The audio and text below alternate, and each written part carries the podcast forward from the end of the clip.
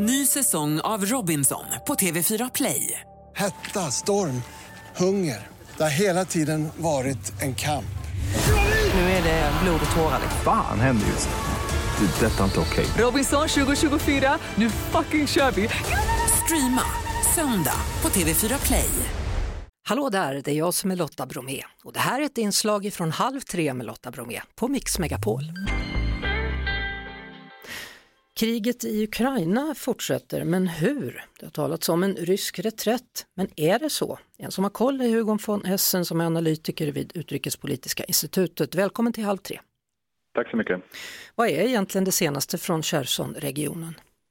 Det senaste är att ryska försvarsministeriet har meddelat att, man kommer göra en sån här eh, strategisk tillbakadragande, man vill inte kalla det för en reträtt, eh, från, den här, eller från stora delar av den ockuperade ukrainska regionen Cherson, inklusive staden Cherson. Eh, samtidigt från den ukrainska sidan har man sagt att, att man såklart är skeptisk till det här, för det har funnits olika uppgifter om att det här skulle vara någon slags fälla. Oavsett vad så kommer man ta det väldigt försiktigt, för att antagligen så är den här marken minerad och man vill ju heller inte, eh, man vill vara försiktig med att slåss i stadsmiljö i den här eh, staden Cherson. Oavsett vad så, så representerar det stora risker för, för Ukraina att försöka ta tillbaka det här, Mm. det här eh, området. Alltså, hur känner du? Jag tycker det känns som en luring. Ja, alltså det är svårt att veta och man ska ju inte underskatta Rysslands, eh, Rysslands eh, kapacitet för att försöka hitta på olika typer av sätt för, att- för, att, lura, för att luras. Eh, eh samtidigt så har det ju gått eh, såklart dåligt för Ryssland under hela kriget och det här är ytterligare en, en fortsättning på det där, där Ryssland tvingas eh, lämna regioner, retirera från regioner som, som man har hållit nu ett tag. Så att, eh, jag skulle inte utesluta att det faktiskt också helt enkelt bara är eh, en reträtt därför att Ryssland inte längre kan hålla den här regionen. Men det kommer vi få se de, de kommande dagarna. Mm. Vad, vad skulle du säga att vi är i för skede i kriget? Vad, vad kan vi vänta oss här framöver?